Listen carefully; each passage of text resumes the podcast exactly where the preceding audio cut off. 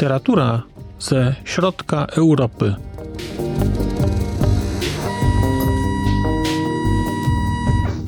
Podcast około książkowy. Dzień dobry. Witam Państwa bardzo serdecznie w kolejnym odcinku podcastu około książkowego Znak Litera Człowiek. Przed mikrofonem Marcin Piotrowski. Mam dzisiaj dla Państwa opowieść o książce Martina Ryszawego, Wracz. Książce, która ukazała się bardzo niedawno, ukazała się nakładem wydawnictwa Kolegium Europy Wschodniej.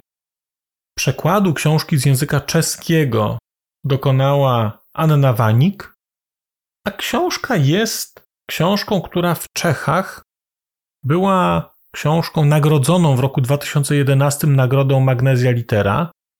A Martin Ryszawy jest autorem, który był laureatem tej nagrody w roku 2009 chyba za książkę Cesty na Sybisz, czyli Podróże na Syberię. I nie przesłyszeli się Państwo. Podróże na Syberię, a tytuł tej książki, którą mam przed sobą, to jest Wracz. I, jak można się domyślać z tytułu, książka dotyczy Rosji. Rzeczywiście było to bardzo oryginalne zestawienie, muszę powiedzieć. Kiedy brałem tę książkę do ręki, żeby sobie ją przeczytać, wiedziałem, że jest to książka, którą napisał Czech o Rosji. No to było to dla mnie formalnie interesujące i bardzo byłem ciekaw, co znajdę w środku, jak to mi się będzie czytało. I przede wszystkim, jakiego typu refleksja będzie w tej książce zawarta. No bo jakie mamy spojrzenie na Rosję w Polsce, to wiemy. Ciekaw byłem spojrzenia czeskiego. Dostałem w sumie 320 stron refleksji na temat Rosji, na temat Związku Radzieckiego, na temat takiego okresu postsowieckiego, a jeszcze nie rosyjskiego.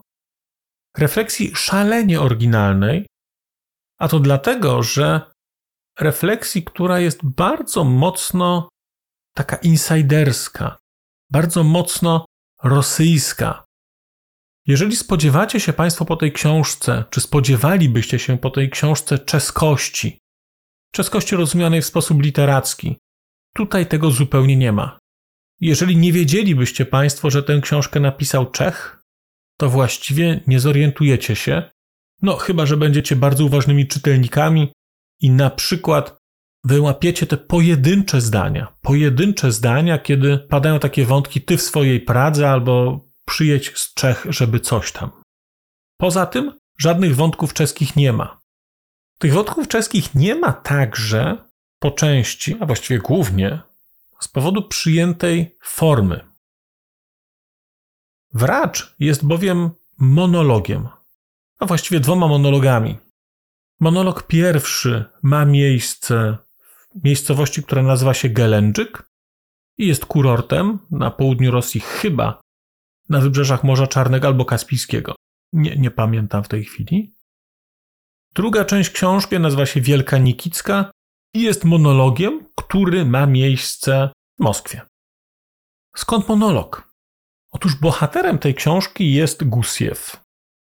Kiedy go poznajemy, Gusiew jest zamiataczem ulic albo rodzajem woźnego w bloku, czasami na wakacjach w tym Gelędżyku, Natomiast jest człowiekiem, który zasadniczo sprząta, ale, ale wcześniej, przez długie lata, pracował jako reżyser teatralny. Nie ma w tej książce praktycznie żadnych dialogów w klasycznej formie. Wszystkie dialogi, które tu się pojawiają, są w formie mowy zależnej. De facto książka nie ma także akcji. Akcją właściwie tutaj byłaby sytuacja, w której Gusiew opowiada coś i mamy wyjście na ten poziom meta, kiedy on opowiada, po czym mówi, wiesz, podaj pomidory, bo kroimy. Albo ktoś tam przyjdzie, to weź tu sprzątnij. To jest ta akcja na tym najwyższym poziomie. Ale ta akcja służy tylko i wyłącznie temu, żeby Gusiew mówił. Bo Gusiew mówi cały czas. Te 320 stron książki to jest 320 stron przemowy Gusiewa, który snuje, nazwijmy to, opowieści dziwnej treści. Opowieści dziwnej treści, które opowiada Gusiew, de facto przybliżają nam Rosję. Właściwie budują w nas obraz Rosji, Związku Radzieckiego. Nie są to jednak opowieści bardzo rozbudowane. To nie są wielkie historie. Ta książka to jest suma bardzo drobnych historii, bardzo niewielkich historii. Niektóre mają dwa akapity, a niektóre pięć. Nie zmienia to faktu, że one są krótkie, one są bardzo treściwe, a Gusiew ślizga się po nich. Mówi, że ma problem z pamięcią i tak naprawdę nie jest w stanie pisać, a nie jest w stanie pisać dlatego, że popada ciągle w dygresję, dlatego ta książka jest opowiadana. I te opowieści Gusiewa są opowieściami, które po prostu płyną. One płyną tak, jak płyną opowieści, jeżeli przy kimś siedzimy i mu coś opowiadamy, gawędzimy. Więc czasami jest o czymś więcej, czasami jest o czymś mniej, czasami odpłyniemy w jakąś dygresję, czasami dygresję do dygresji, potem wrócimy. I tak się to tutaj toczy w tej książce.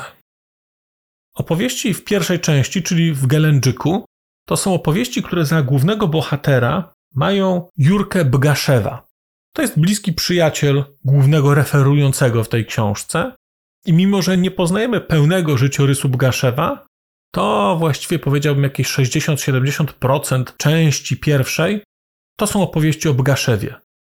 Opowieści przeróżne, opowieści zabawne, opowieści smutne, opowieści życiowe. No bo proszę posłuchać takiej historii. Parę dni później Jurka zrobił coś takiego, że o mały włos poszedłby siedzieć. Było to tak. Jechał na rowerze do sklepu, w którym sprzedawano wódkę. Za Gorbaczowa takich sklepów nie działało zbyt wiele. Zakup wódki wymagał inwencji, a Jurka bardzo potrzebował flaszki. Miał jeszcze w planach pogodzić się z żoną, dlatego jechał do tego sklepiku. Zsiadł z roweru i zobaczył czarnowłosego faceta w czarnej kurtce i czarnych okularach zmierzającego do środka. Wyglądał porządnie, więc Bgaszew, któremu nie chciało się stać w kolejce, na pewno wiesz, co to była za potworność te sowieckie kolejki. Wcisnął mu dychę i mówi: Kup mi flaszkę. Facet wszedł do sklepu, a Bgaszew palił. Po pół godzinie, może godzinie, wychodzi facet w czarnej kurtce i czarnych okularach. I co, masz? Nie mam, nie sprzedali mi łajdaki. Powiedzieli, że jestem wypity i nie sprzedali. No cóż, bywa. Oddawaj dychę. Jaką dychę? Ten, co ci dałem. Nic mi nie dałeś. Jak to nie? Chwilę się kłócili, a potem doszło do ręcznych ustaleń. Daj spokój, kurwa, warknął gość i chciał odejść, ale Bgaszew rzucił się na niego, złapał za rękaw i go urwał. Wyobrażasz sobie? Jednym szarpnięciem urwać rękaw skórzanej kurtki? Gość się wkurzył i poszły pięści w ruch. Musisz sobie uświadomić proporcje. Bgaszew był chudszy od ciebie, ale podobnego wzrostu i między nami mówiąc, też miał takie wysokie zakola i początki łysiny. Ten drugi był mojej postury, czyli nieco wyższy i o nieporównywalnie wyższej kategorii wagowej. Więc Bgaszew nie znokautował go po pierwszym ciosie. Potem się rozpędził i kopnął oszusta w żuchwę. Facet to też ustał. Raz nawet przywalił Jurce, na co ten kopnął przeciwnika w jaja. Wtedy już wokół nich zebrał się spory tłum klientów sklepu i wszyscy gapili się na bójkę jak sroka w gnat. Czy to w ogóle możliwe? Przez wódkę i 10 rubli? Przecież ci wariaci zatłuką się na śmierć. Ktoś wykręcił 0,2. W tym czasie Bgaszew okładał faceta, facet Bgaszewa i jeden drugiego nie mógł pokonać. Potem przyjechała suka, a właściwie najpierw przyjechali z drogówki i zatrzymali Bgaszewa, bo 40 świadków potwierdziło, że to on sprowokował bójkę. Potem czekano na sukę, aż tu ze sklepu wyszedł inny czarnowłosy gość. W czarnej kurtce i czarnych okularach, z butelką wódki i szukał człowieka, któremu miał przekazać flaszkę. Zauważył Bgaszewa już zatrzymanego i pod nadzorem. Trochę się pewnie wystraszył, ale podszedł do niego, podał mu butelkę i powiedział: y, Masz, ja już muszę lecieć. Cóż, każdemu zdarza się pomylić. Bgaszew próbował udobruchać gościa, z którym się pobił. Słuchaj, bracie, masz tu flaszkę i zapomnijmy o wszystkim, co ty na to? Chyba śnisz z kurwielu. Mowy nie ma. Pozwę cię i pójdziesz siedzieć, debilu. Potem przyjechała suka i wyobraź sobie następujący obrazek. Z przodu jadą goście z drogówki. Za nimi Jureczka na rowerze. Bo jednoślad nie zmieściłby się do auta, a właściciel nie mógł go tam zostawić. Na końcu suka wiezie drugiego uczestnika bijatyki i pilnuje naszego cyklisty. Miał dostać paragraf 206. Pobicie ze szczególnym okrucieństwem. Groziło mu 8 lat, a mogli dołożyć próbę wymuszenia 10 rubli. Ale oczywiście sprawdzili paszport również poszkodowanemu i odkryli, że to były kryminalista. 9 miesięcy na wolności i jeszcze nie znalazł pracy. Czyli według sowieckiego prawa darmozjad. Paragraf już nie wiem który. W każdym razie Bygaszewowi groziło 8, a tamtemu 5 lat. Twerski milicjant, ewidentnie ludzki chłop, zrozumiał to od razu, więc mówi do tego drugiego gościa. Słuchaj, naprawdę chcesz złożyć pozew? Może się jeszcze zastanów, co? Idę na zewnątrz zapalić. A ty w tym czasie przemyśl sprawę. Gość długo się nie zastanawiał, zabrał paszport i czmychnął. Milicjant wraca i pyta: Gdzie nasz poszkodowany? A, widocznie mu się spieszyło. A jego paszport zabrał ze sobą. A, tak, no cóż, no cóż. A mógł być taki piękny protokół. A potem mówi do Braszewa. Nie dostaniesz ośmiu lat, durniu. Ale ponieważ całe miasto widziało to zajście, nawet pacany z drogówki, muszę zawiadomić twojego pracodawcę, więc się, kolego, nie gniewaj. To jest zasadniczo koniec tej historii. No, nie taki może koniec do końca, bo tam e, to jeszcze miał jakiś ciąg dalszy w przyszłości, ale mieliście Państwo próbkę i języka, i sposobu przedstawiania świata. Bo ten sposób przedstawiania świata przez tego typu zdarzenia jest kwintesencją tej książki. Rosję, którą Państwo poznacie poprzez Wracza, to jest Rosja opowiedziana z perspektywy właśnie tego typu historii. Historii żałosnych, historii zabawnych, bardzo często historii smutnych. Do tego stopnia smutnych, że człowiek się zastanawia, jak się tam żyje i bardzo współczuje ludziom, którzy muszą tam żyć i z takim systemem, z taką mentalnością się zmagać. Cała książka oparta jest o nieustające dygresje i mikrodygresje. To są opowieści, opowieści do opowieści, dygresje, dygresyjki. Gusiew wprost mówi, że nie jest w stanie pewnych rzeczy napisać, bo kiedy zaczyna pisać, popada w dygresję i cały czas się gubi i zapomina, co chciał powiedzieć. Później, w części drugiej książki, której bohaterem jest już Gusiew w swojej własnej osobie, opowiada o swoim życiu, o swoich studiach, o pracy. Tam dowiadujemy się, dlaczego ma problemy z pamięcią, i ten wątek jest gdzieś tam później rozpracowany. Jeżeli jednak spodziewalibyście się Państwo, że ta książka będzie tylko rodzajem takiej gawędy, i to wszystko będzie z perspektywy takiej gawiedzi pokazane, i to wszystko będzie takie proste, wulgarne i oczywiste, no to chciałem powiedzieć, że zdecydowanie nie. Powodem, dla którego tak jest, jest fakt, że główny bohater to jest człowiek, który przez długie lata obracał się w środowisku teatralnym. To też większość tych historii, które tutaj się będą pojawiać, to są historie ze środowiska aktorów, reżyserów, życia teatrów moskiewskich, życia teatrów prowincjonalnych, teorii dramatu. To wszystko tutaj Państwo znajdziecie. I mimo, że te historie są momentami bardzo zabawne, to jednak ta książka ma mnóstwo, mnóstwo naprawdę bardzo głębokiej refleksji o życiu. Widać tutaj to wykształcenie autora Martina Ryszawego, który jest absolwentem praskiej FAMU, to jest ta uczelnia filmowa, który jest także filmowcem, który pisze scenariusze, reżyseruje. I widać bardzo głębokie, bardzo głębokie zrozumienie idei dramatu, idei teatru, idei gry, podziału między sceną a widzami, odgrywania, performensu. Te wszystkie rzeczy znajdziecie Państwo w tej książce. To jest niesamowite, że człowiek półalkoholik, momentami mamy wrażenie niespełna rozumu, opowiada nam o swoim kraju z perspektywy tego, jak wyglądało życie kulturalne a to życie kulturalne konkretnie jak wyglądało w obszarze teatru. Jak wyglądał proces kształcenia. Mnóstwo opowieści z uczelni moskiewskich, teatralnych, artystycznych. To wszystko tworzy bardzo unikalne, bardzo unikalne zestawienie. Bo mamy tu mnóstwo historii o wódzie i o przemocy. No to jak jest Rosja, no woda, woda przemoc, nieszczęście. Ale to wszystko jest osadzone w kontekście cały czas dramatu. I nie mamy kiedy się znudzić, bo te, kiedy te opowieści się tylko zaczną rozkręcać, to zaraz się kończą, no bo tak trochę jak się opowiada. No jak się opowiada coś komuś, to nie snuje się tej opowieści przez 4 godziny, tylko to są krótkie, różne opowieści, które gdzieś ze sobą się jakoś czasami łączą przez jakichś bohaterów, ale tak naprawdę to jest kalejdoskop zdarzeń, postaci. Obraz świata, który dostajemy z tej książki, to jest obraz świata sowieckiego, Związku Radzieckiego. Później obraz świata postsowieckiego, tego po upadku ZSRR, ale jeszcze przed wykształceniem się takiej nowej Rosji. Później jest obraz świata rosyjskiego. Jak będziecie sobie Państwo tę książkę czytać, to będziecie widzieć, jak ta tożsamość się kształtuje.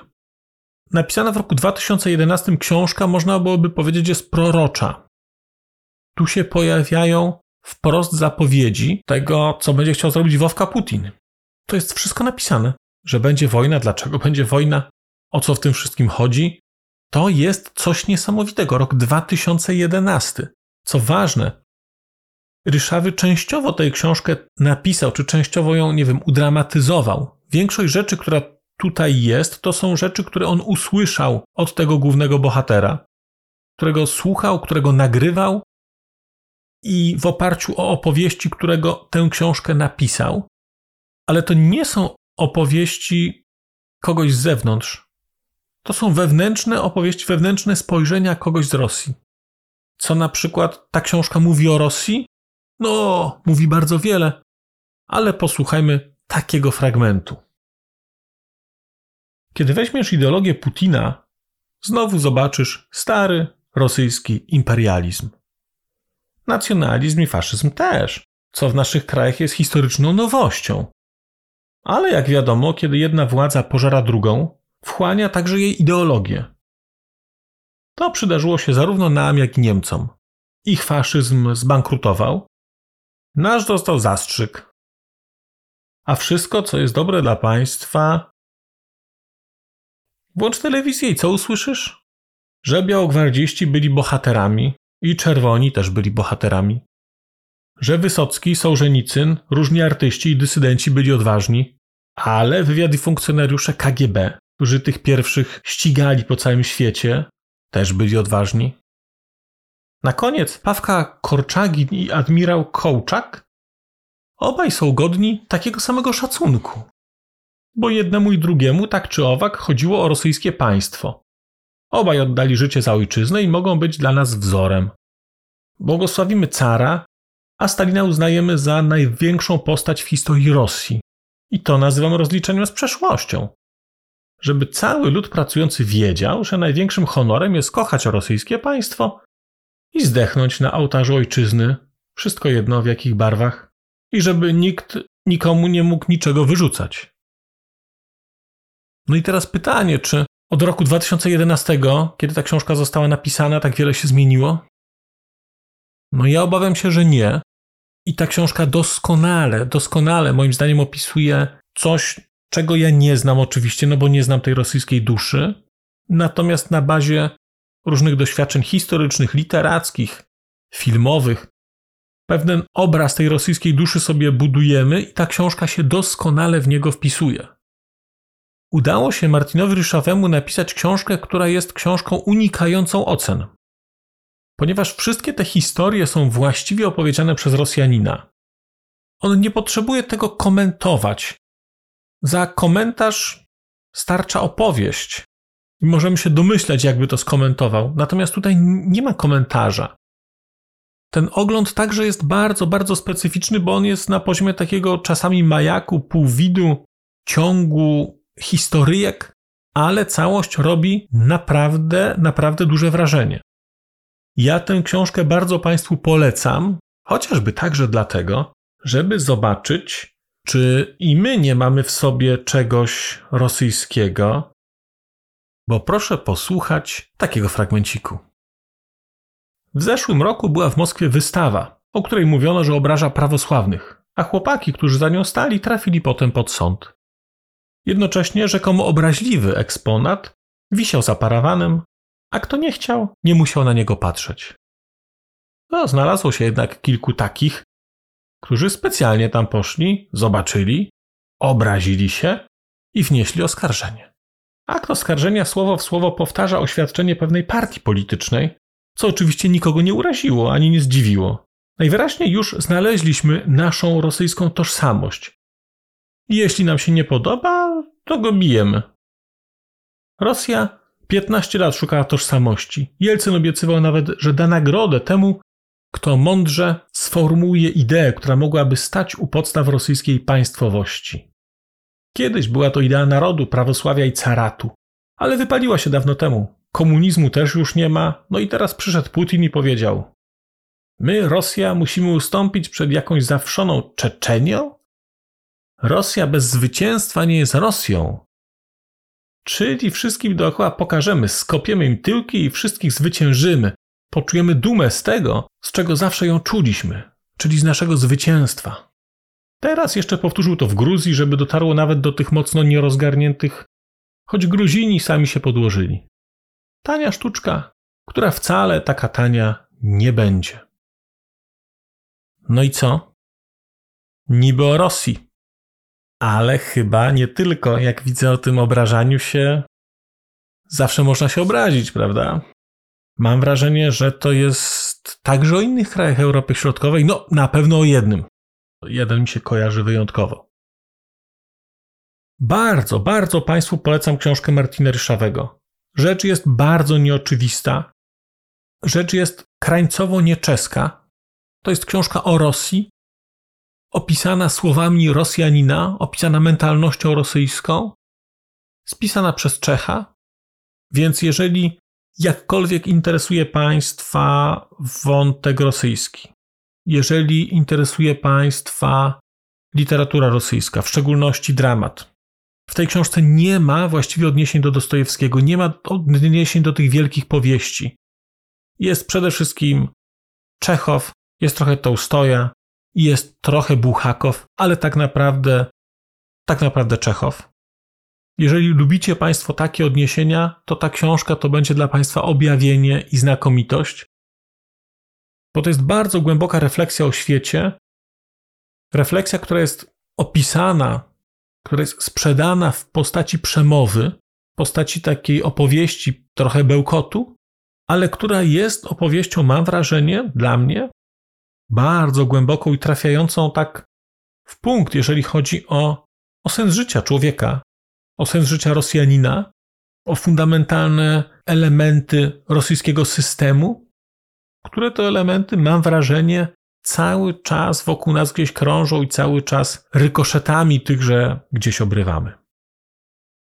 Martin Dryszawy, Wracz. Bardzo, bardzo zachęcam Państwa do lektury.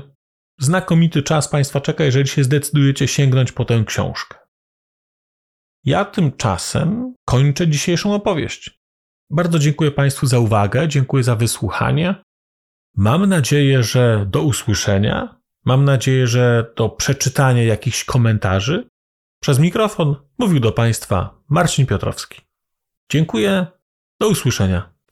A już zupełnie na koniec powiem, że skoro wysłuchaliście Państwo tego odcinka, to w jego opisie znajdziecie link do serwisu YouTube. W wersji YouTube'owej e, jest miejsce na skomentowanie go. To jest takie miejsce, gdzie można komentować ten odcinek, rozmawiać, zadawać pytania, wymieniać się spostrzeżeniami, do czego Państwa bardzo zachęcam, gdyż udało się już na tym YouTubie zgromadzić trochę bardzo ciekawych osób, bardzo ciekawych komentarzy i trochę stworzyć taką społeczność ludzi rozmawiających o książkach. Też na koniec, zupełnie na koniec, e, poproszę Państwa o wystawienie oceny mi w ramach e, tych platform podcastowych, na których Państwo tego odcinka wysłuchaliście. I nieważne jaka ta ocena będzie, istotne dla mnie po prostu, że będzie. Tymczasem się żegnam już naprawdę i do usłyszenia za czas jakiś.